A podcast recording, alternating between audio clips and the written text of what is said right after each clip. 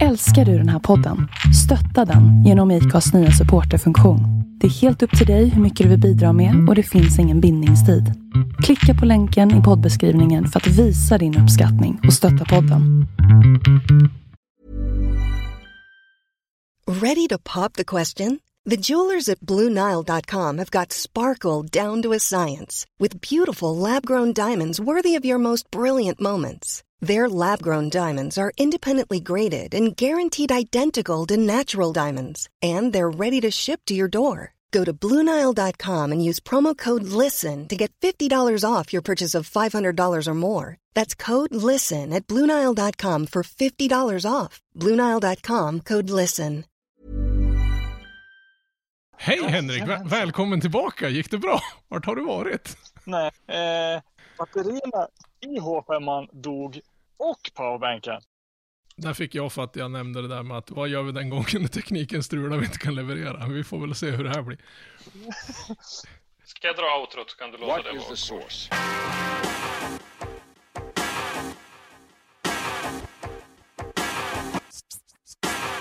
One, two, three, set it!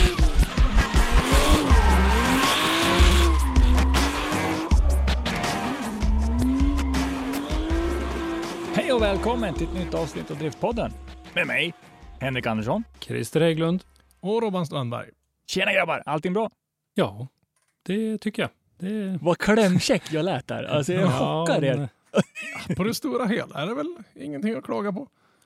Nej. Man är ju alltid lite trött och sliten när man kommer hem efter en helg på gatubil. Det får man väl eh, erkänna. Ja, precis. Eh, Dagens avsnitt kommer ju handla väldigt mycket om gatubil eftersom det var ju där vi hade all vår... Eh,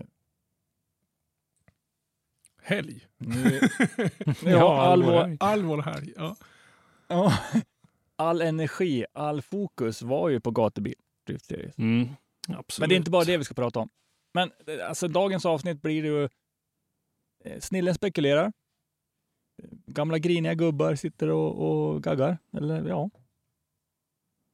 Vad ska vi kalla oss? Eller vad ska vi kalla avsnittet? Grumpy old men.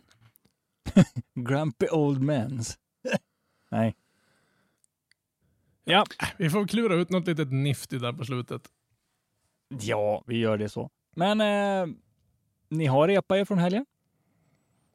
Ja, det är måndag nu när vi spelar in det här. Det är väl lite sletet fortfarande och eh, det var ju nattsömnen på gatubil kan ju vara som den är, men den här gången var det faktiskt värre än någonsin förut för att natten mellan fredag och lördag så var det ju ett regnväder som hette duga alltså och i plåttaket på bilen jag sov i var ju ja, alltså det det var bombardemang kan man säga. Så det, det störde ju den nattsömnen lite grann. Och sen natt två då, mm, natten mellan, nej natt tre blir det, natten mellan lördag och söndag. Då var det ju, dels var det ju någon som verkade ha problem med eh, ALSen på sin bil. Det är ju Ja, snarare- perfekt snarare- tillfälle att, att, att tweaka den. Liksom. Ja, det verkade som den behövde provköras eh, vid 12-tiden och vid 2-tiden och sista gången var nog vid 4-tiden när den där provkördes. Eh, och varje gång det small i den där ALSen, då kände jag alltså att det gungade i min bil. Därför att den stod så nära den här bilen som, eh, som hade sina problem. Så, jag ehm, vaknade utav att mina tänder skallrade. Ja, det var helt sjukligt var det. Och sen var det musik. Det var musik, mycket norsk hiphop. Så mycket norsk hiphop har jag nog aldrig lyssnat på tror jag.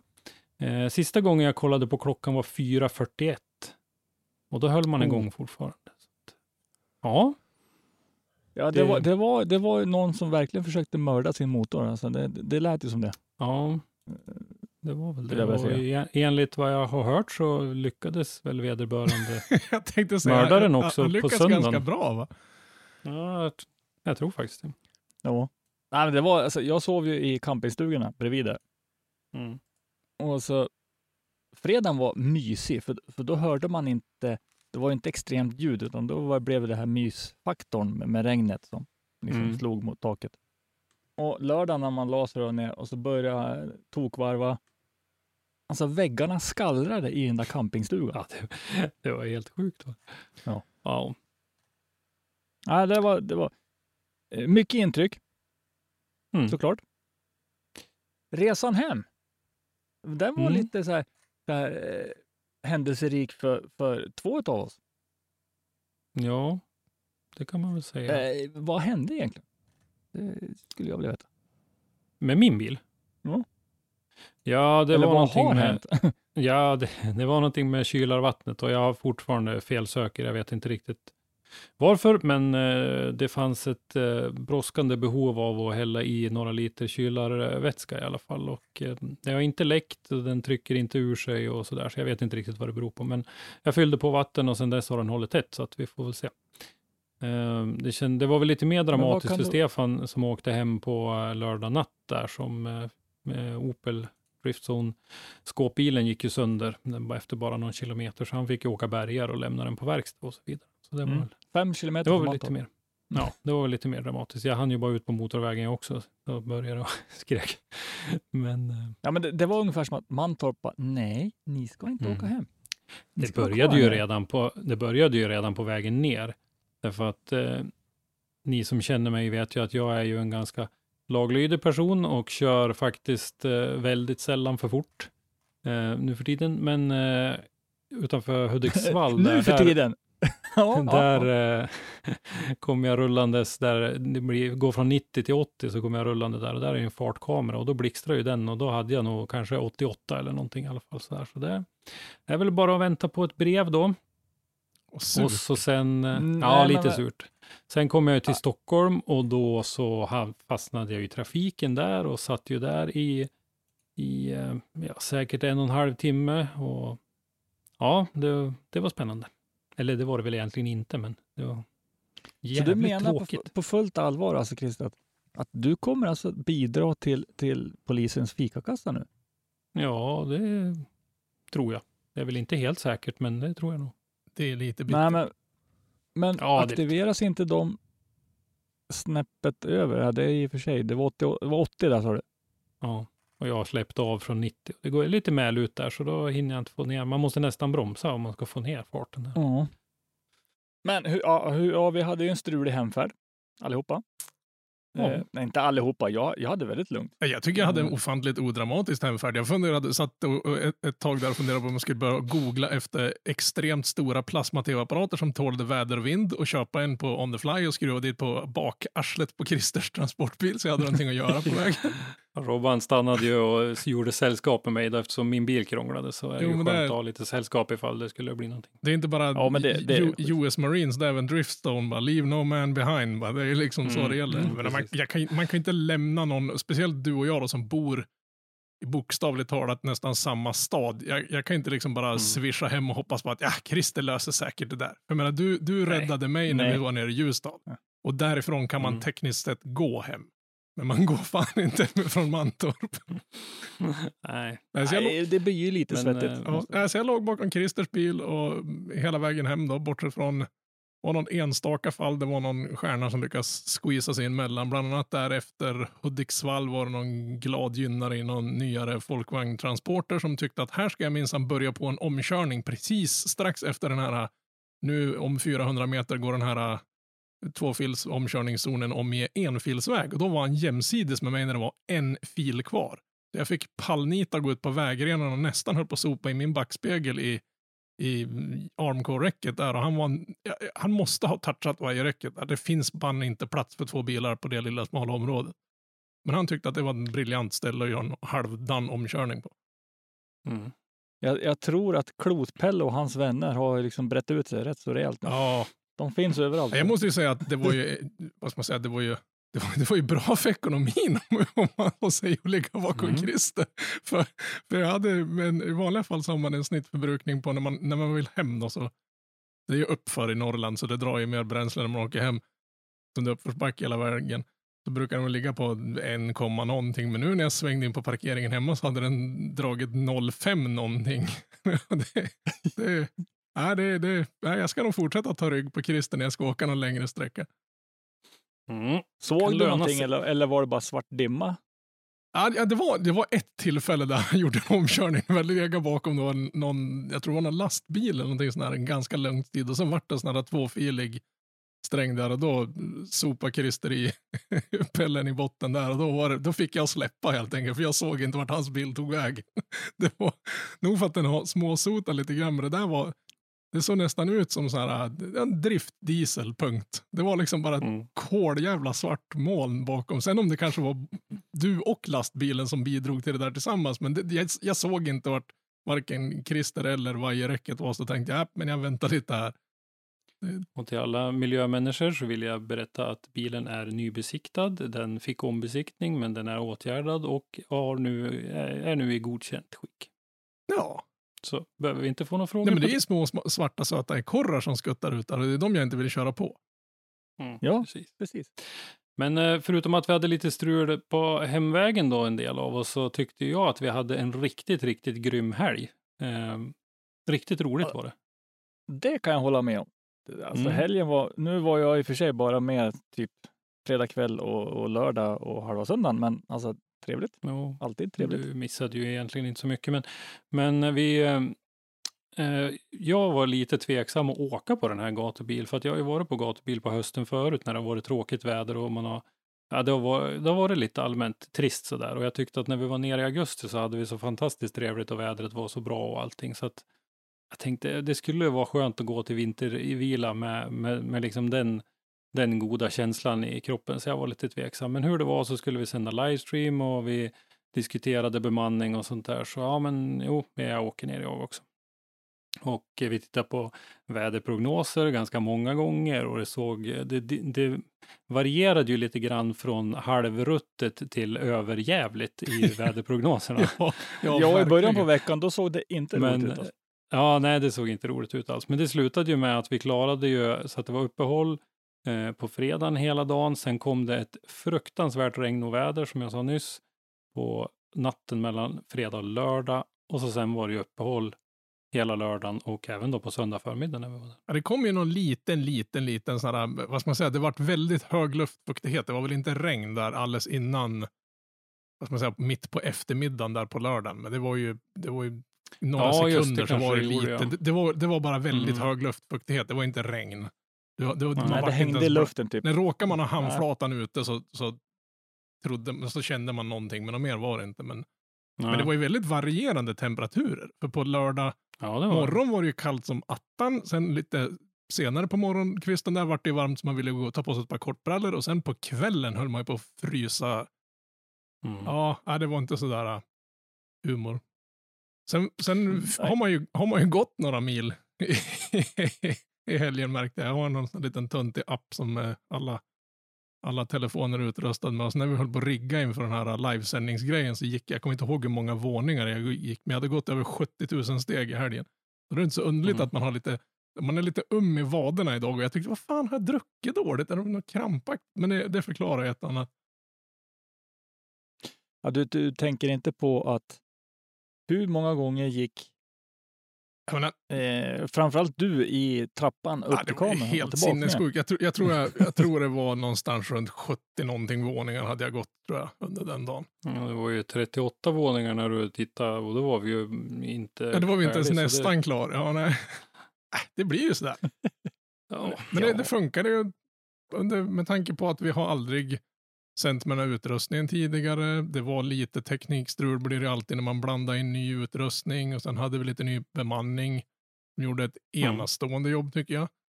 Det var, Vad ska Ja, vi det säga? var- Ska vi börja med att säga vad, vad tycker vi? Vad är känslan om, om vår egen livestream? Vi navelskådar oss lite grann och sätter någon slags betyg på oss själva. Vad tycker vi om livestream? på, på en skala från 1 till 10 tycker jag vi låg på 7,2 7,2 någonstans. Och jag är superkritisk. Men, men det, det är det, Mm. det, är det när, när jag har suttit och tittat på den nu, för jag har inte haft tid att kika på den tidigare, så jag har suttit nu innan vi började med det här och, och kikat. Och det, det var fan riktigt bra. Med tanke på att det var becksvart, ingen kamera i hela världen har lett under de där förhållandena. Drönarpiloterna hade fått skruva upp max i, i sina kameror för att överhuvudtaget kunna se någonting. Det måste vara fruktansvärt svårt att flyga under de där förhållandena. Vi var inte riktigt vana med all utrustning vi jobbar med, så det var mycket sådana här små barnsjukdomar.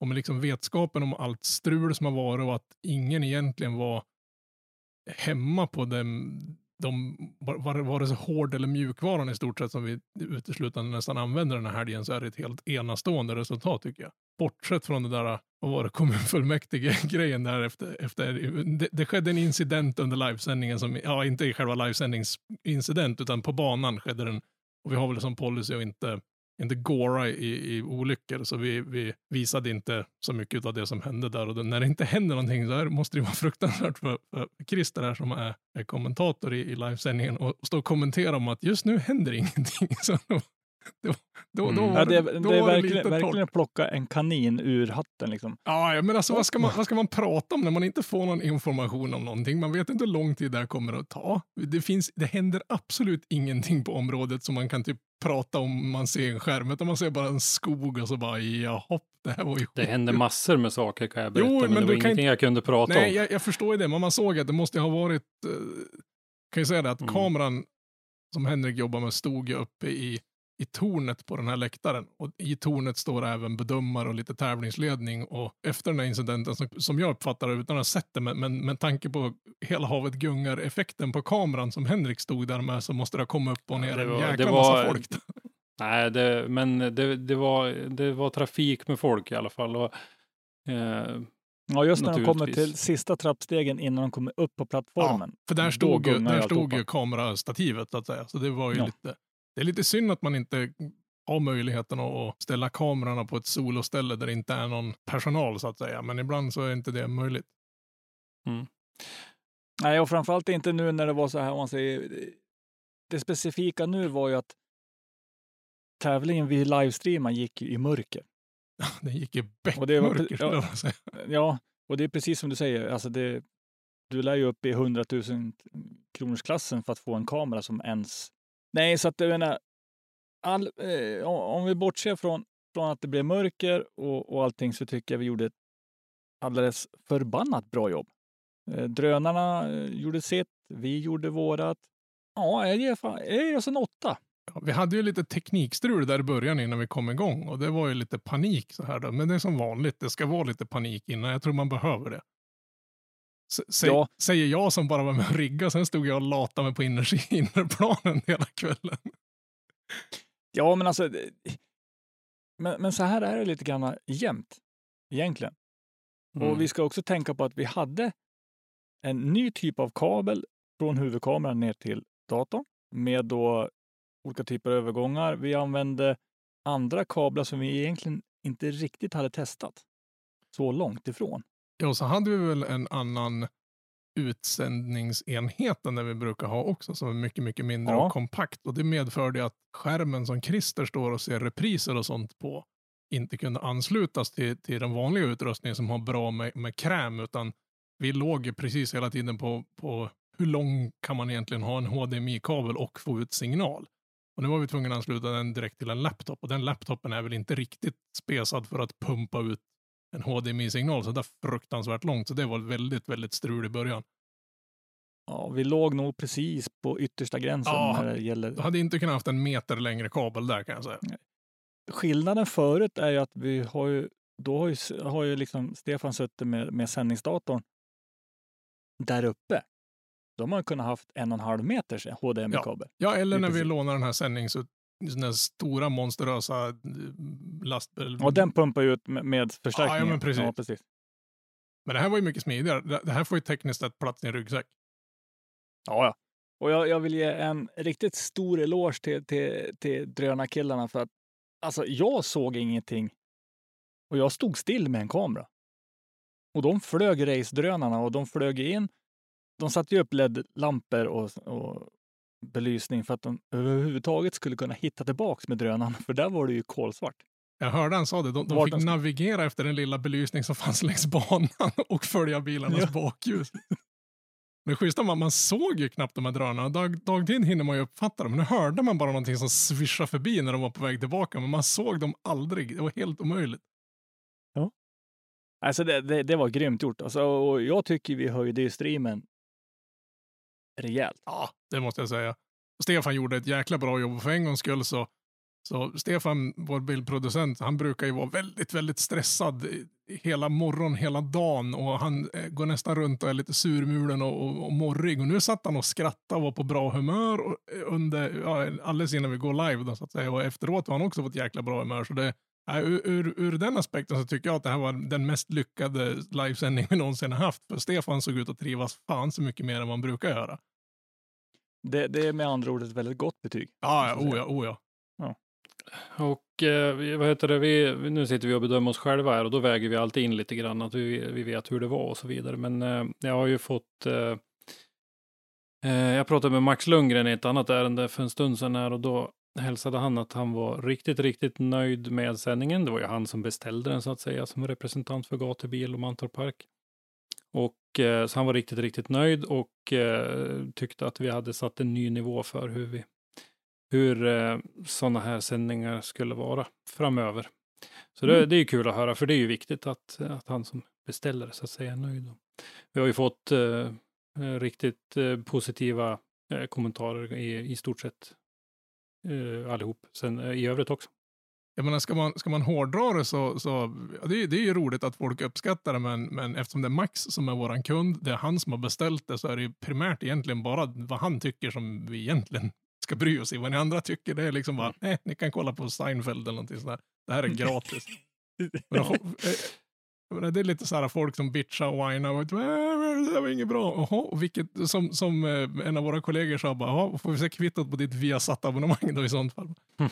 Jag menar, vi, vi, har ju en, vi har ju en budget på de här grejerna. Det här är saker vi gör med våra egna privata grejer. Vi har ju liksom inget enormt produktionsbolag bakom som typ Red Bull eller någonting. Vi skulle inte ens ha råd att betala Nej. Red Bulls fikakassa för den ena OH-bussen en, en hel helg.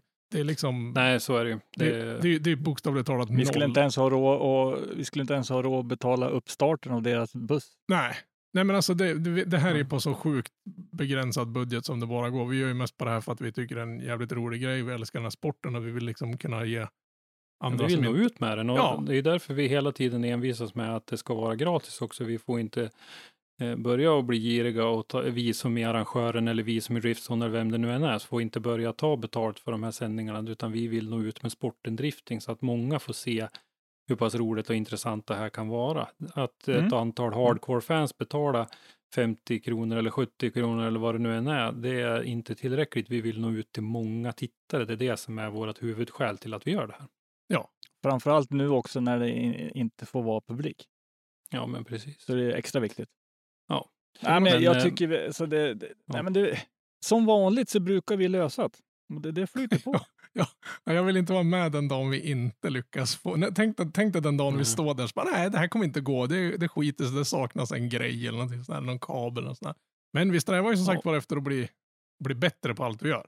Ja, absolut. Och vi vet Ja, att det ja. finns att Ja, ja. förbättra. Vi är nog våra, våran egen största fiende, eller vad man ska säga, Ja. och, och väldigt självkritiska. Så att det, det är inget tvivel om, folk behöver inte berätta det för oss. Och, eh, det du refererade till nyss då med latrintömning var ju att vi fick ett meddelande till eh, vår Facebook-sida om, som gällde min kommentering, där man bland annat då använde eh, begrepp som att eh, min humor var som en latrintömning på en camping och det var lite andra grejer också. Ja, jag, jag, jag, jag kan absolut ta kritik så att Om den eh, är det- befogad så ja. om den är, ja men det kan inte jag avgöra, men vad heter det, den, den här, det här var inte en sågning i fotknölarna, det här var långt under fotknölarna. Ah, men det är bara någon som Men- har, som inte Ja, var- har någon koll. Det är bara face it. Det, det är liksom, det är ingen Ja, idé ja men det var hans, det var hans åsikt och vi, vi tackade för synpunkten och hoppas att vi kan motsvara förväntningarna en annan gång istället. Men, eh, eh, vi, det, Jag älskar när man hövlar ihjäl folk som är dryg. Det, liksom, det finns fan inget bättre. Nej, Ja. men eh, överlag så var ju folk väldigt nöjda. Eh, så att eh, vi, vi får väl hoppas att vi får chansen att, att fortsätta att leverera livestreams ifrån olika, eh, ifrån olika driftingtävlingar. Jag tycker väl att vi har levererat två ganska starka nu på slutet här. Dels från Cash Grab Drift Days eh, som vi tre höll i oss och nu då den här med, med lite drönare grejer som var eh, ytterligare ett snäpp upp. Så att eh, vi hoppas vi får fortsätta med det här nästa år. Oh, ja. Och vi, vi, vi har ju, vi har ju liksom man ska inte säga en plan så, men, men vi vill ju alltid sträva framåt. Så att jag menar, vi nöjer oss inte där. Men med tanke på Nej. att hela produktionen för att göra en sån här livesändning, det består av tre pers. Ja, vi ska nämna det också att det var Drone Sweden Ja. vi samarbetade med som eh, gjorde ju ett otroligt gott intryck på mig, både i rent eh, så att säga vad de kunde och så där, men dessutom två riktigt trevliga grabbar, Mats och Johan, som var duktiga och hade koll på det här med, med på sin sändningsutrustning och allting runt omkring det där. Så att det var, det var mycket trevligt. Så Drone Sweden rekommenderar jag om ni har behov av någonting som drönare kan hjälpa till med. De pysslar på med lite allt möjligt som jag förstod det. Jag stod och kollade när de packade upp sin, sin utrustning och oh, vad med batterin. Ja, och sen så var det det att de hade, de hade switchade mellan två drönare. En åkte in och bytte batteri medan den andra körde och så vidare. Och så vidare. Alltså, de måste ha slitit hund. Ja, efter ett tag så, så, så var det ju bara en som stod och bytte batterier och den andra stackaren fick flyga. För den- någon hade väl besökt ett... Nej, det kanske inte var de här grabbarna som besökte ett räcke, va? eller var det någon annan som var flög på dagen? För någon hade tydligen Ja, sopat det var in annan. i ett staket ganska illa. Mm. Ja, jag menar, i, Ja. i, i mörkret är det nog inte så svårt att göra det heller. Nej, men man såg ju liksom på deras setup och hur de liksom eh, jobbade. Det, det var ju liksom, de är ruskigt professionella. Det, det var riktigt, riktigt, riktigt roligt att ha med dem att göra och se hur de, hur Mm. de arbetar och, och framförallt resultatet.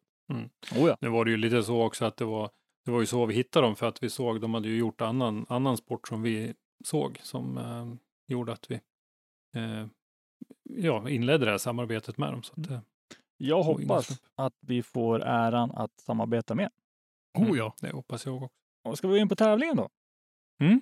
Det var är väl GDS, det folk vill Swedish höra på. Round. Ja, jag precis. De vill inte höra hur bra vi tycker att vi var. Men jag, jag sa ju det i inledningen, griniga gubbar. ja, ja, men precis.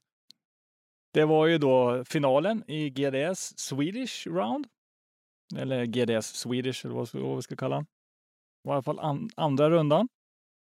Mm. Det specifika för den här rundan var ju att topp 16 skulle då köras på kvällen i mörker. Som en liten sidnotering, så när jag kom ner på fredagen så tittade vi på belysningen på banan. Då hade de inte ställt in den. Då blev jag lite så här, oj, oj, oj, hur ska det här Mm. gå? Då Precis, stod ju både- lamporna lite åt alla håll och kanter. Både för våran egen del och för, eh, för framförallt för förarna. Ja, ja precis. Men eh, precis. sen så på lördagskvällen där så eh, hade ju Mantorp Park lite eh, synpunkter ifrån förarna så att säga. Vi fick ju komma med våra vad gällde livestreamen och de hade lite synpunkter vad de ville ha för att kunna köra och eh, som jag uppfattade så tyckte en del sa att det var svårt, absolut, men det var, det var görbart. Eh, så att Ja, ja, för de eh, hade ställt upp det väldigt smart faktiskt. Det, Ja. det funkar. det blev bra det blev ju en, en kväll att komma ihåg. Tycker jag. Ja. Vad börjar vi med då? Ska vi börja med resultat eller? Vad tyckte ja, du det om tycker jag tävlingen? väl. Ja, jag tyckte tävlingen var bra. Det var roligt att se. Jag sa i förra podden eh, som vi la ut där nerifrån att det, så här bra startfält har inte jag sett i en svensk driftingtävling på eh, väldigt länge. Faktiskt inte. Och, jag menar, det, det man såg, såg när vi tittade på topp 32, det var ju att de var ju på. Det var ju liksom Ja. inte det var inte det här lilla trevande, utan man såg att det var attack när de körde. Det märktes att det inte det är så många fler tävlingar kvar i år. Mm. Men då får vi de här, de här bra chaserna och när folk är på liksom. Och Mm. inte bryr sig egentligen om, det, om de stöter emot lite grann eller sånt där. Men eh, vi såg att det var ju några som trivdes på den där banan. Andreas Lilja är ju värt att nämna på en gång. Han körde i finalen i, i deltävlingen som gick i augusti och den var ju på samma bana i princip. Det var väl någon, i- jag tror innerklippen var flyttad lite grann. I övrigt så tror jag nog det var samma bana ungefär. Och eh, han eh, slog ju till och blev kvaletta på en gång Mm. i fredag, på fredags eftermiddagen. Ja, men Så, Lilja ehm, såg stark ut redan i augusti. Ja. Ja, liksom- han gjorde det och han fortsatte eh, att köra bra hela tiden tyckte jag. Men, men sen fanns det ju fler också när vi tittar på träning och så där. Mikael Johansson är en sån där som alltid höjer på ögonbrynen och, och eh, en som inte lyckades så bra då under träning och, och under kval heller var ju Johan Andersson. Som hade problem med, jag tror det var med en diff, så att han inte kunde träna så mycket som det var tänkt. Och sen så under kvalet då så misstände bilen och man såg att det var olja inne i förbränningsutrymmet och sådär. och Så att man vågade inte ens köra kvalrepa två utan man eh, nöjde sig med en 27 plats i kvalet. Eh, man var ganska säker på att gå vidare. Och Mm. det då innebar ju att man fick möta en, en väldigt högt placerad förare i första rundan. Så Ja, man gör det inte i- lättare för sig om man säger så. Nej, redan i topp 32 där då så fick Johan Andersson möta Christian Erlandsson som hade ju lagt en riktigt, riktigt fin kvalrepa där på, på eh, fredagen. Så att eh, det vart ju en, en battle som var bra redan på en gång. En annan som jag kommer ihåg så där direkt var Kevin Brunberg och eh, Viktor Andersson. Viktor var ju kval fyra och Kevin då eh, 29 eller vad det blir. Och eh, Mm. Eh, där vann ju faktiskt Kevin eh, till slut. Och det, det var en bra battle. Mm. För Viktor Ja, den, var, den var ju tight. Den gick väl till one more time också? Va? Ja, det tror jag att den gjorde. Ja, jag har för mig det. Nej, nej, Kevin körde bara en one more time och det var mot eh, dansken. Men Ja, eh, det, var, okej. ja, nej, det var en bra battle oavsett. Men, eh, så då, då åkte kvalfyran Viktor ut redan där. I övrigt så hade vi ju faktiskt kval ettan, kval tvåan och kval trean med i topp fyra. Mm. Vilket Och. Tony Averstedt Mm. går från klarhet till klarhet tycker jag. Han var, han var Ja. riktigt vass. Precis, och Jocke Andersson har vi pratat mycket om. Han vann ju tävlingen här uppe i Sundsvall och han visar ju på fortsatt fin form. Så nu så, ja, framgångar även här. Ja, och sen så fick vi en utom svensk en, en utomsvensk. i, Ja. på fjärde plats då. Men Ja, också precis. väldigt starkt gjort. Kasper Christensen. Ja, precis. Vi hade ju fyra danskar som var med och eh, flera av dem körde riktigt bra. Mikkel Overgaard eh, slog ut John Martinsson en topp 32 och sen, eh, nu kommer jag inte ihåg eh, exakt vart han hamnade i resultatet. Eh, Tia, kanske. jag. Ja, Mm. tia.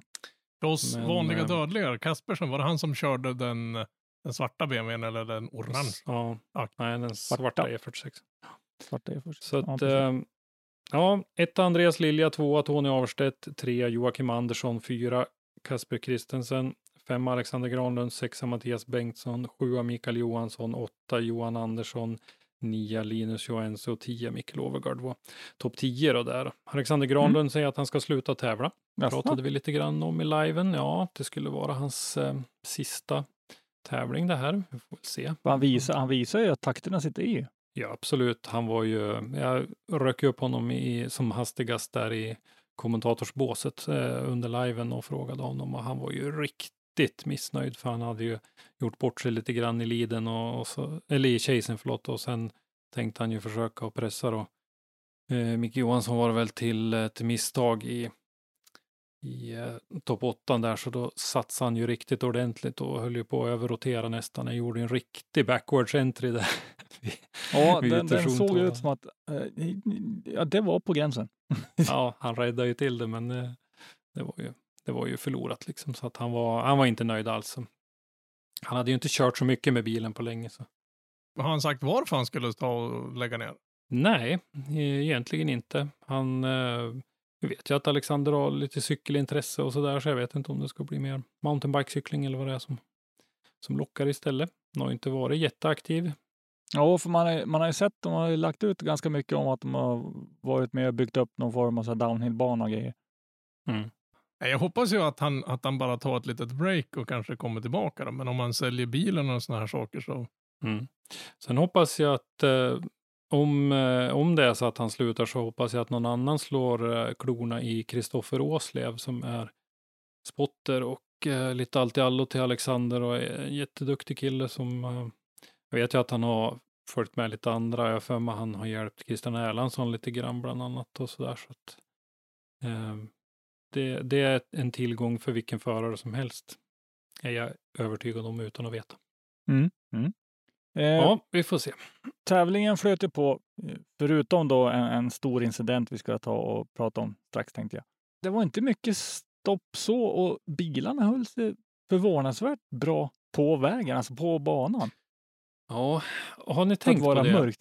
Vi har ju två stycken olika tävlingsformer under en sån här helg. Vi kommer ju fram till den andra lite längre fram här, men Det är ju dels gatubil Drift Series och så är det Brejsladden. Och Brejsladden går ju ut på att sätta en repa, full mutter, imponera så mycket som möjligt på bedömarna.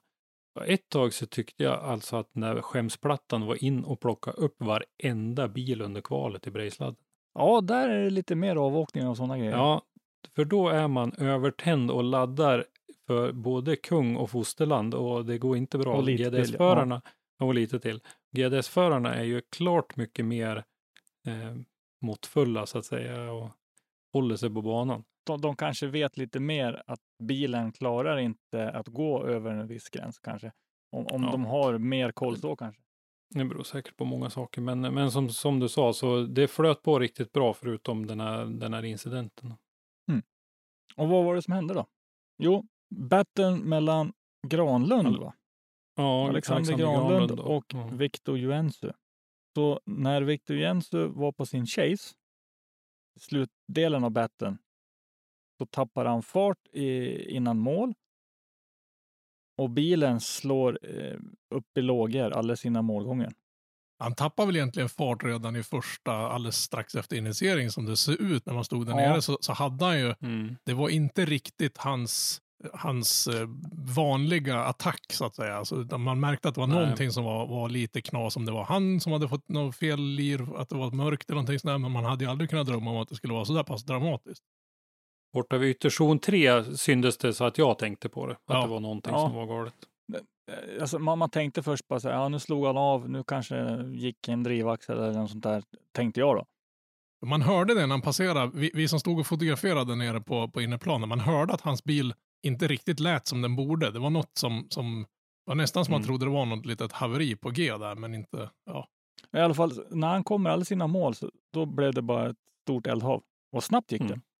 Vad som var, fick min puls att gå ner, det var ju när jag såg att Viktor snabbt var ur bilen. Mm. Han drog ju släcksystemet och, och ja. drog släcksystemet och sen så var han ju ute ur bilen väldigt snabbt och som du säger så är det ju riktigt skönt när man ser det. Men vi, eh, vi snackade lite om det i liven och det är värt att ta det igen. Ni som kör, träna på att ta er ur era bilar fort. En sån här gång, då ska det sitta i ryggmärgen hur ni tar er ur er egen bil på fortast möjliga tid. Och ja, det ska bara vara en även- reflex. Träna även på att förardörren är blockerad så att du måste krypa ut åt andra hållet. Ja, Det det, har vi väl sett några exempel på. Mm. Ferrarin är Formula Drift till exempel. Ja, ja men det, det såg vi även när vi var nere på Våler också. Det var inte bara driftbilar utan den här Mm. Lambo kolfiberkärran där som gick av mitt framför våran kamera där. Han stod ju med, med förarsidan mot någon jordvall och någon sån här plastmur så han fick ju krypa ut ur bilen på passagerarsidan.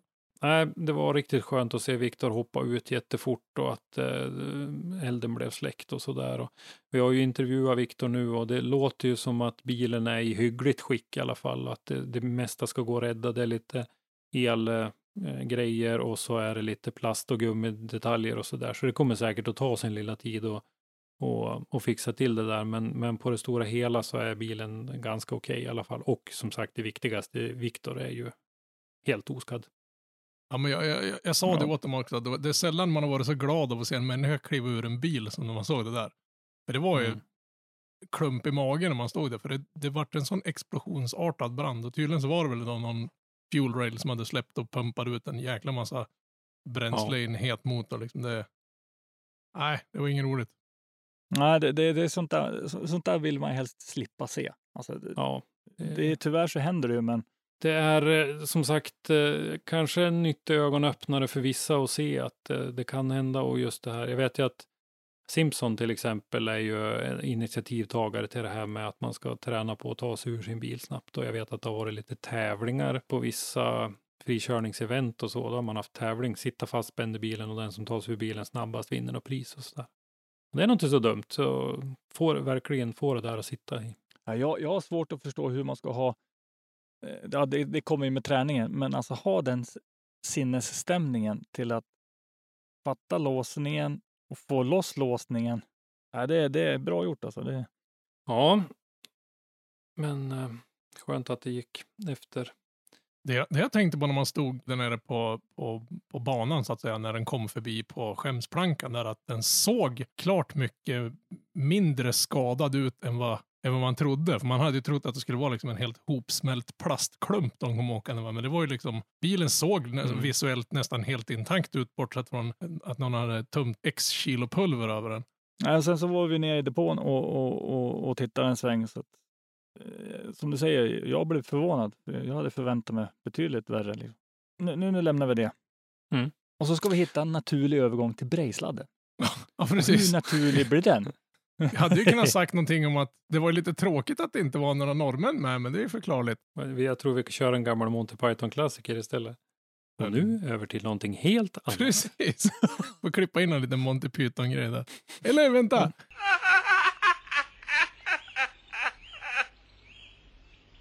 And now for something completely different.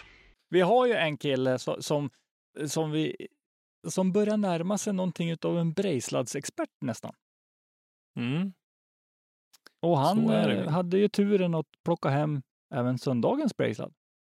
Mm. Vem Viktor? Andersson, Viktor Andersson, ja.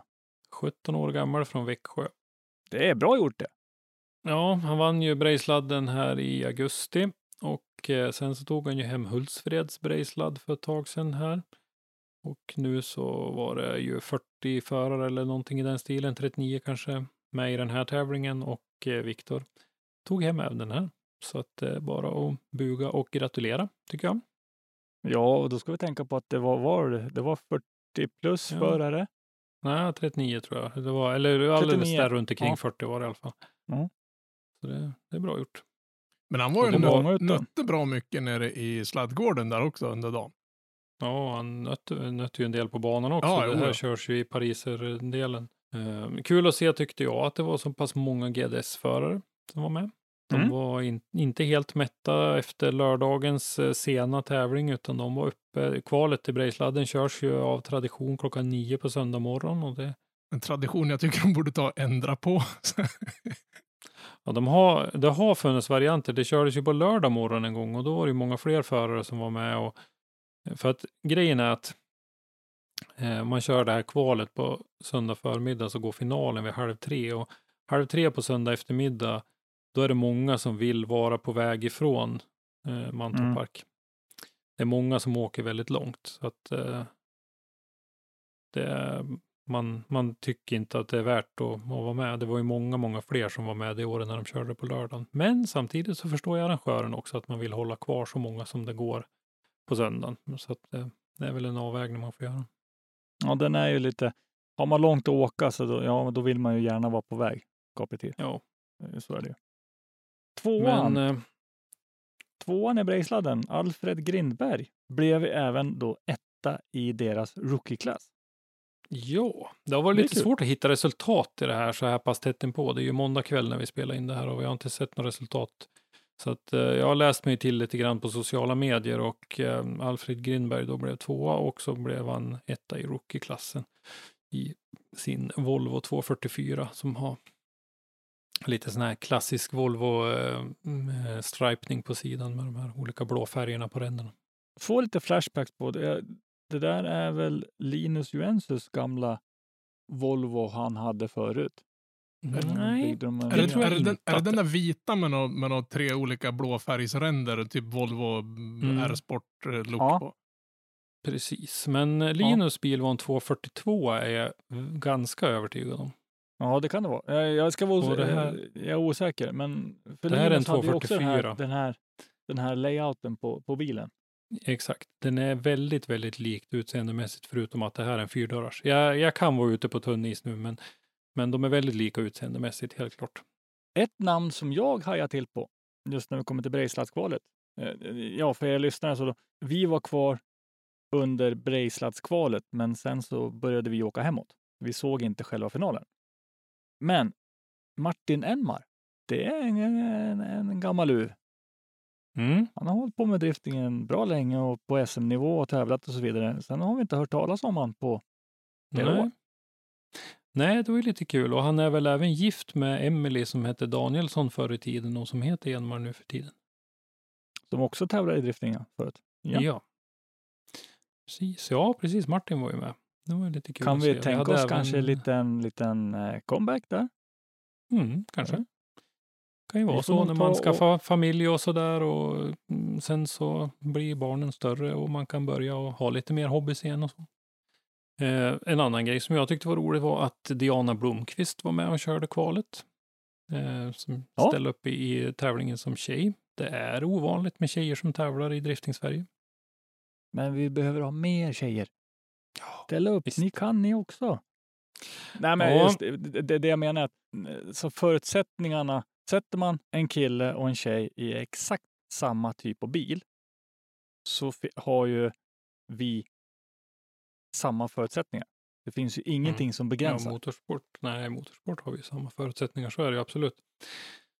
Um, ska vi dra lite grann mer i, i resultatlistan kanske? Vi sa etta Viktor Andersson, tvåa Alfred Grindberg, trea Johan Jalkelid, fyra Rasmus Alexandersson och eh, han börjar väl snart bli less på det här, men det är ju hans eh, bil är ju då Alexander Granlunds gamla BMW E28. Ja, Eh, Kan, vi- kan, vi den inte, som ju- vida känd. kan vi inte bara låta den här stackaren få ha sin bil i fred nu? liksom. nej, Ja, men, men, nej, men fjärde plats i, i, i Brejsladden tycker jag att då har man liksom bevisat att man inte följer i någon annans fotspår så jäkla mycket längre. Jag tycker du har fel. Men det är fortfarande hans, ga, hans gamla klenod. Ja, ja, Väljer man, att ja, la, väljer man att laga upp den där bilen, då får man fan finna sig i att bli jämförd med Granlund. Det är och för ganska starkt gjort att lyckas få rä- rädda det där Mm. tänkte jag säga. Men Och apropå räddare där, Eddie Trinks, eh, han eh, studsar ju in i muren lite grann eh, under eh, lördags eh, eftermiddagen var det väl, tror jag. Eh, Lite grann pass säger mycket- Christer. Han studsade in med bakändan och sen framändan. Ja, det var hans bil Så som stod i pass- depån och, och bärsbaren och Ja. allting var helt superkrokigt bak på bilen. Vi gick, jag tror vi gick och förbi. Dennis, eh, Dennis eh, Stavon som var speaker på eventet, han trodde ju att bilen blev skrot. Så att, och det där är ju en jättefin bil, en S14 är väl, en silverfärgad med lite liknande dekor som eh, Johan Andersson hade på sin röda förut. Mm. Eh, Mm. Så det var jättesynd. Men han fixade ju till den. Den såg ju inte riktigt helt okej ut, men det var nog bara plast mest som var, som var trasigt vad det verkar. Så han fick ju till den och körde ju mera sen och körde ju bland annat då till sig en femte plats i Brejsladden. Är Eh, sex Andreas Staberg, sjua Anders Haj, åtta Andreas Tapper, nia Fredrik Lundberg, tia Kristoffer Svensson, elva Samuel Larsson, tolva Marcus Nilsson, trettonde Rickard Lundberg, 14 Filip Josefsson, 15 Martin Enmar, 16 David Torssell, 17 Felix Molander, 18 Filip Hedberg, 19 Fredrik Persson och 20 Pontus Näslund. Mm. Det var finalisterna. Man är ju 20 som går vidare till final och sen är det väl topp 6 och eh, topp 3 va? Tror jag man brukar köra. Vi måste stanna Ja, kvar och titta på det där någon. Det är så tråkigt varenda gång man åker ner så bara, ah, men nu har vi typ 60 plus mil att köra och så ska man upp och jobba. Man, man, jag har aldrig sett finalen där nere någon gång. Har du haft en hård arbetsdag idag? I, nej, det har jag verkligen inte haft idag kan jag säga. Det, min kära arbetsgivare var lite, lite barmhärtig där, så min arbetsdag har varit att sitta och gå igenom de bilder jag inte hunnit redigera från helgen. Det. Har ju varit att sitta hemma och löka idag. Japp, jag det. På tal, om, på tal om bilar som inte såg så fräsch ut. eh, Min favoritbil som jag kanske inte slutar tjata om. Jag såg att under Brejsladden så hade Jalkelid ett extremt stort hjulhus på höger bak där. Jag hoppas han åtgärdar det till nästa gång jag ser den. Det var, det var riktigt sorgligt att se det där fruktansvärt söndertrasade bakskärmen där. Såg ut ungefär Mm. som att det var en hel familj med råttor som hade Ja, varit jag där tror det var någon liksom. hyfsad däckexplosion där inblandad i det där. Det, var, det saknas väldigt mycket av hjulhuset. Och så har han en, en värdoljad ALS, så behöver vi inte säga Ja, mer. nej, nej, men precis. Eh, Ska vi känna oss nöjda med summeringen av eh, gatubilhelgen? Eh, som en liten sidnotering så hoppas jag att nästa gång det är gatubil att de har, har buffé. Jag vill inte Ja, äta det- en till jäkla hamburgare mer i mitt liv. Det där var helgen. faktiskt helgens, det där var helgens besvikelse. Ja, det var, det var nog det enda jag var lite bitter över i helgen. Man hade Vi har förväntat sig... snackat upp den där jäkla restaurangen Ja. där på Mantorp eh, och så, åh, det är så bra mat och det har blivit så lyx sen vi började insåg att det gick faktiskt att äta riktig mat och, och vara där. Och så kommer vi dit och så har de hamburgertallrik och kebabtallrik. Bara, ingenting annat. Nej. Men då, då finns det ju, eh, för vi som har, har lite fördel och, och tillhöra vår organisation så har ju vi och även tydligen numera också en helt otroligt eminent kock. Eller rättare sagt, vi hade väl tre eminenta Mm. kockar som, som räddade oss där med väldigt god Ja, pytt. faktiskt. Så tack Mattias och, och, och, company. Det var, det, var, det var räddningen under helgen. Extra stort tack till Mattias, för det är han som tar initiativ Ja. till det där. Men Ann-Sofie och Göran hjälpte till också. Oh ja, oh ja. guld värt. Guld värt. Han har ju dragit igång en liten cateringverksamhet där. Den är liksom, han, han är inte bara en helt enastående filmare och en allmänt vansinnigt trevlig människa att ha att göra med. Han, eh, han, han lagar även förbannat god mat. Och hoppar Mm. in i podden ibland. Ja, vi, vi, vi också. väl lite i helgen om att vi kanske ska försöka stoppa in en fjärde röst lite titt som tätt i våran podd. Så det inte bara är vi tråkiga så kanske någon av oss kan hålla käften en gång och kanske får Mattias ta över istället. Bara för att vara den då, så, så, så tar vi ett jättekliv över ankdammen bort till USA. Precis, ända långt på, bort på Bortsia, som mamma hade sagt, på västkusten, Washington, staten Washington. Och det var så långt bort också dessutom. Mm, precis, Monroe, Eh. Washington. Evergreen Speedway heter den väl? Och äntligen fick den här äh, Mustang-idolen, eller vad man ska säga, ställa sig högst upp. Von Gittin Jr. Det, det var som sagt var en Ford som stod där en Ford ska vara, överst på prispallen. Men det är så Ja. ro, eller roligt. När man ser hans Mustang, så, så, så, alltså den lyfter ju i fronten. Va- Så fort han svänger över den så Men det är bara för att Alltså, han han är ju- åker runt med någon bakvagn från 70-talet. Det är ju pinsamt att erkänna, men det är inte liksom den mest avancerade tekniken i det där. Jag vet jordbrukstraktorer som också har stelbakaxel. Men han Mm. måste ju ha grymt grepp i bilen. Ja, ja. För alltså, jag tror inte jag ser... Ja, i, i, i övergångarna så har de kanske fyra hjul, men alltså när han kommer till när han driftar i kurvorna, då har han bara tre hjul i backen. Men den här gången så verkade det ju som det var bra, för han vann ju nämligen en dubbelseger, så att han tog ju hem, eh, del, de körde ju lika som de gjorde förra gången med en deltävling på lördagen och en på söndagen och då eh, tog han ju hem, eh, eller vad det var, natten mot fredag, natten fredag, lördag natten lördag, söndag eller hur det blir. Eh, Så tog han ju hem eh, den första då med eh, Fredrik Åsbö på andra plats och eh, Michael Essa på tredje och Dai Yoshihara på fjärde. Mm. De minns jag alldeles fel nu, eller var det bara mästare på den? Jag tror att det var bara mästare på den i den topp fyran faktiskt, för jag har för mig att de där har vunnit alla fyra. Ja, jag tror. Mästerskapsvinnare alltså. Eh, Men eh, kul att Michael Essa tog sig så långt. Det var ett tag sedan. Jag har tänkt mig att hans karriär är över och att eh, det borde vara dags att lägga av. Att han mest håller på för att promota sitt företag Essa Motorsports. Men Alltså man har ju inte hört mycket. Essa var ju väldigt het där för, för några år sedan. Men sen har det ju bara dött ut, tycker jag. ja, Dag två då? Ja, dag två då så har vi redan avslöjat att då var det ju Van Gittin Jr. en gång till då. Eh, och eh, det var ju lite kul för då, det är ju tre stycken Mustanger eh, som har varit med länge. Nu tror jag det är någon fler, men de, de tre som har varit med länge är ju Von Gittin Jr., Justin Pavlak och Chelsea Denofa. Och de gick till topp fyra eh, alla tre. Och så kompletterar vi dem med Ryan Turk i en bil som skulle gå ner i skuffen på vilken som helst av, av Mustangerna. Den här lilla Toyota Corollan som Åsbö körde förut. Den såg om inte annat ut ett tag som att någon verkligen hade försökt stoppa ner den i någons skuff. Där. Det var ganska illa tilltygat ett tag. Den lilla Toyotan, den försvinner ju bakom den där. Helt. Ja. Där då så var det så Von Gittin Jr. som vann som sagt. Eh, Justin Pavlak eh, trea, Ryan Turk. Nej, Justin Pavlak tvåa, Ryan Turk trea och eh, Chelsea Denofa fyra då.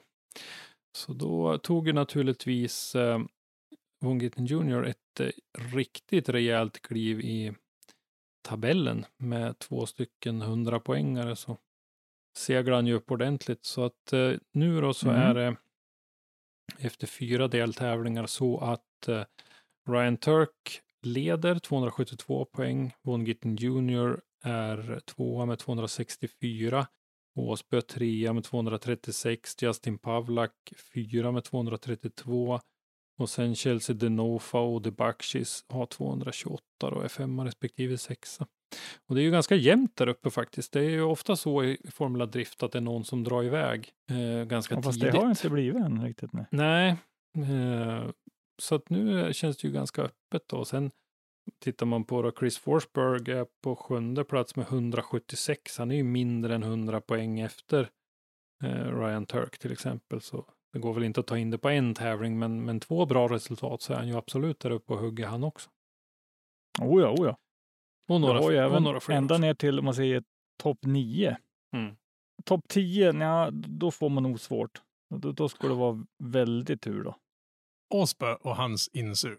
Vi måste nästan, jag, jag blir lite så här, om man, om man ska lira på den här nivån som de kör, Mm. som jag förstår det så är det där insuget 3D-printat och svetsat. Och det, det flexar ju rätt bra för de här grabbarna åker inte runt med några Volvo V40 laddtryck om vi så säger, utan det, det laddas ju ganska rejält och friskt. Jag vet inte om han kör gas också i sin bil, men Ja, det är, nog, det är nog både laddtryck och gas och, och allting. hur kan man som ett så pass stort och seriöst team som de är inte ha med sig en sån sak som en reservdel? Jag vet inte, jag varit lite besviken och det, det vart nog Åsby också ganska att sitta där och det, det såg ut som om han hade sprängt något i hans insug. De la upp någon bild på Instagram där och då har ju fan kunnat stoppa in handen genom svetsfogen. Mm. De borde ju rimligtvis ändå kunna räkna ut att det kan hända. Ja men alltså det, det, det, det Det smäller var väl en hel motor i reserv? Ja, men precis. De har en hel motor i reserv. Hur kan de inte ha ett nytt insug? Och det må man ju för, på den nivån de jobbar så må man ju för guds skull kunna bara slita lös ett och montera dit ett igen på under fem minuter. Mm. Eller kan det vara det att de har, eh, alltså, i och för sig fick ju teamet spendera en jävla massa tid med att laga ihop den där lilla Corollan som såg ut som någon hade försökt bokstavligt talat para den med en betongvägg eller vad man lyckats med. Jag såg bara, jag missade den biten. Jag såg aldrig varför. Jag såg bara att de släpade ut den och framhjulen pekade åt alla håll och kanter samtidigt. det känns ju som att de har två motorer men inte två kompletta motorer. Nej, men precis. Nej, så är det säkert. Så är det säkert. de här är inte obegränsat med pengar de heller. Och det är säkert en jäkla kostnad att ta fram ett till sånt där insug. Och nu måste de göra det i alla fall. Men Men det är ändå på den nivån ja, där en sån grej hade kunnat lösas. på något sätt så förväntar man sig att de ska ha lite mer grejer än de som kör frikörningen på Mittsverigebanan. Men menar du att det är 3D-printat och svetsat alltså? Jag har Ja, fått det- för mig... det- vi, det- Stora bitar av det där är 3D-printat och så var det några svetsfogar på det också för att du kan inte 3D-printa allting i alla vinklar så att säga. Så de var tvungna att 3D-printa bitar och sen foga ihop dem. Är det 3D-printat i metall? Ja, ja, du kan ju Ja. 3D-printa i det mesta nu för tiden. Jaha. nej, men vi har sådana maskiner på mitt eh, vanliga dayjob och det är Hello framtiden, tekniken. Här har jag gammal jag. Hej hej! Ja, nej, men det, det finns flera olika tekniker för att göra det och så, men det, eh, grejen är att de materialen vi jobbar med så är svetsbarheten inte jättegod, men det, det varierar säkert kanske med både metod och material om hur, hur bra det går så att säga. Eh, så att det var därför jag var lite förvånad bara, men det, det, det finns säkert eh, sådana material utvecklade också. Deras banor i år har varit lite funky. Måste jag ju faktiskt hoppa in och säga. Och värre blir det ju. Är det ens tekniskt möjligt? Ja, i alla fall, eller risken finns väl i alla fall, för vi har ju fått reda på att eh, nästa deltävling nu då, den är ju flyttad eh, i tid. Eh, den ska ju gå på Texas Motor Speedway och eh, där så, Är det Kim Jong-Un Oj. som har flyttat den i tid och rum eller har de bara skjutit på den? nej, det var länge sedan vi hade den gamla favoriten med. Men, nej, men de, eh, Nascar har ju bestämt att ingenting får vara på den här banan förrän de har kört sitt race och Nascar är ju lite större än vad Formula Drift är. Så därför så har ju FD fått flyttat sig nu då fram ett par veckor i tiden och dessutom så kommer de att lägga banan framför eh, den befintliga läktaren, eller de befintliga läktarna, därför att normalt sett så har jag fattat det som att de brukar bygga upp sin, sin egen eh, publikplats på Texas Motor Speedway, men det hinner man inte göra nu. Så att då, Och då eh, kommer de man få- att lägga, ja då får man lägga banan där allting då. publiken är istället. Om inte Mohammed kommer till berget så får berget komma till Mohammed. Men det har väl att göra med att även Nascar har ju komprimerat ihop sitt schema likadant som Indy till exempel. Och, och de kör väl allt på nåder i stort sett. För de vet ju inte när det kommer att ske så att de stänger ner nästa delstat och så vidare. Året 2020 är ju året där allt sänds upp och ner. Jag vet ju inte hur mycket publik de släpper in på de här banorna i USA heller. Nej, det är lite olika, men de verkar ju ha publik i alla fall. Eh, nu såg jag ju att eh, Ryan Lantain hade lite problem när han kom hem till Kanada nu så verkar det som att han får sitta i karantän. Eller, eller, eller sån här självkarantän då, Ja, hemma, ja. men ändå. Så att, eh, att han har varit i USA nu då, för han var ju tydligen på plats här i Monroe, Washington. I första deltävlingen, då körde ju han bedömningen på länk. Ja, just det, det gjorde han. Ja. När han kollade i streamen, ja. Kan man säga. Ja, de kanske hade fler kameror och grejer till honom då, men eh, han var inte på plats i alla fall. Jag tror nog att Formula Drift behöver nog hyra in eh, experten i tid och rum. Oh, ja. Jong-Un. Mm. Det, det, det känns man behövs här alltså. De erkände att det var ju bara bull. Men har någon sagt det till Kim Jong-Un? Vår lilla Hen- husgud. Henrik, ring till honom. Ja, gör det. Jag ska ringa frågan. Ja. Hej då! Och med den bomben Håll i dig Joel. Har vi faktiskt nått end of the line. Mm. Slutpunkten. Så är det. Har vi någonting mer att ta upp? Nej, jag tror inte det. Vi har ju lite kommande avsnitt eh, som vi kan promota lite grann. Vi har lite intervjuer med en av våra mest rutinerade fotografer, Göran Röjhagen, som kommer inom kort. Det avsnittet Och, är jag väldigt nyfiken på att höra. Mm, det var kul att höra faktiskt. Han har varit med om en hel del. För både du och jag varit lite frånvarande där då, Henrik. Ja, jag Mm. skulle ju ha varit med och spelat in det där avsnittet, men somna. det var ju väldigt oproffsigt alltså. Stod i duschen och när jag kom ut då hade jag fått något sms från eh, Christer om att eh, hur vart det med den där inspelningen med Göran? Och så bara skiten hade jag helt glömt bort. Jag är så Ja. ledsen Göran för att jag missade det. Ni får leva med och lyssna på den i efterhand då, för den eh, blev ju gjord ändå. Så att, Det, det, kanske, Ja. det kanske är för, för avsnittets skull en jäkla tur att varken du och jag var där Henke. en talande tystnad. Men eh, sen eh, har vi ju snart ett ettårsjubileum att se fram emot också. Får vi se lite grann hur vi kommer att fira det då. Men det, det börjar närma sig ganska snart. Undrar om Henke försvann där nu. Det gjorde han. Då får vi ta och avsluta det här eh, du och jag bara. Så eh, det var väl lika bra Ja. kanske. För vi, det, det var ett tecken till att vi ska lägga på vi också. Vi får väl tacka för att ni har tagit er tid att lyssna på tre griniga gamla gubbar som till slut bara var två och våra spekulationer om, om veckan som har varit. Ja, lite teknikproblem får vi bjuda på, men vi säger hej då så länge i alla fall. Tack för att du har lyssnat. Lyssna gärna på våra tidigare avsnitt och glöm inte att ge oss betyg i din podcastapp. Besök oss på driftzone.se eller i våra sociala medier för dagliga nyheter om drifting. Vi heter Driftzone på de flesta plattformar. Har du ett ämne eller en gäst som du vill att vi tar med i Driftpodden så skicka oss ett meddelande på våra sociala medier eller skicka ett mejl till oss på driftpodden gmail.com. I avsnittet idag har du hört programledare Henrik Andersson, Christer Hägglund och Robban Strandberg, ljudpåläggning och slutmix Robban Strandberg. Driftpodden är en produktion från Driftzone och produktionsåret var 2020.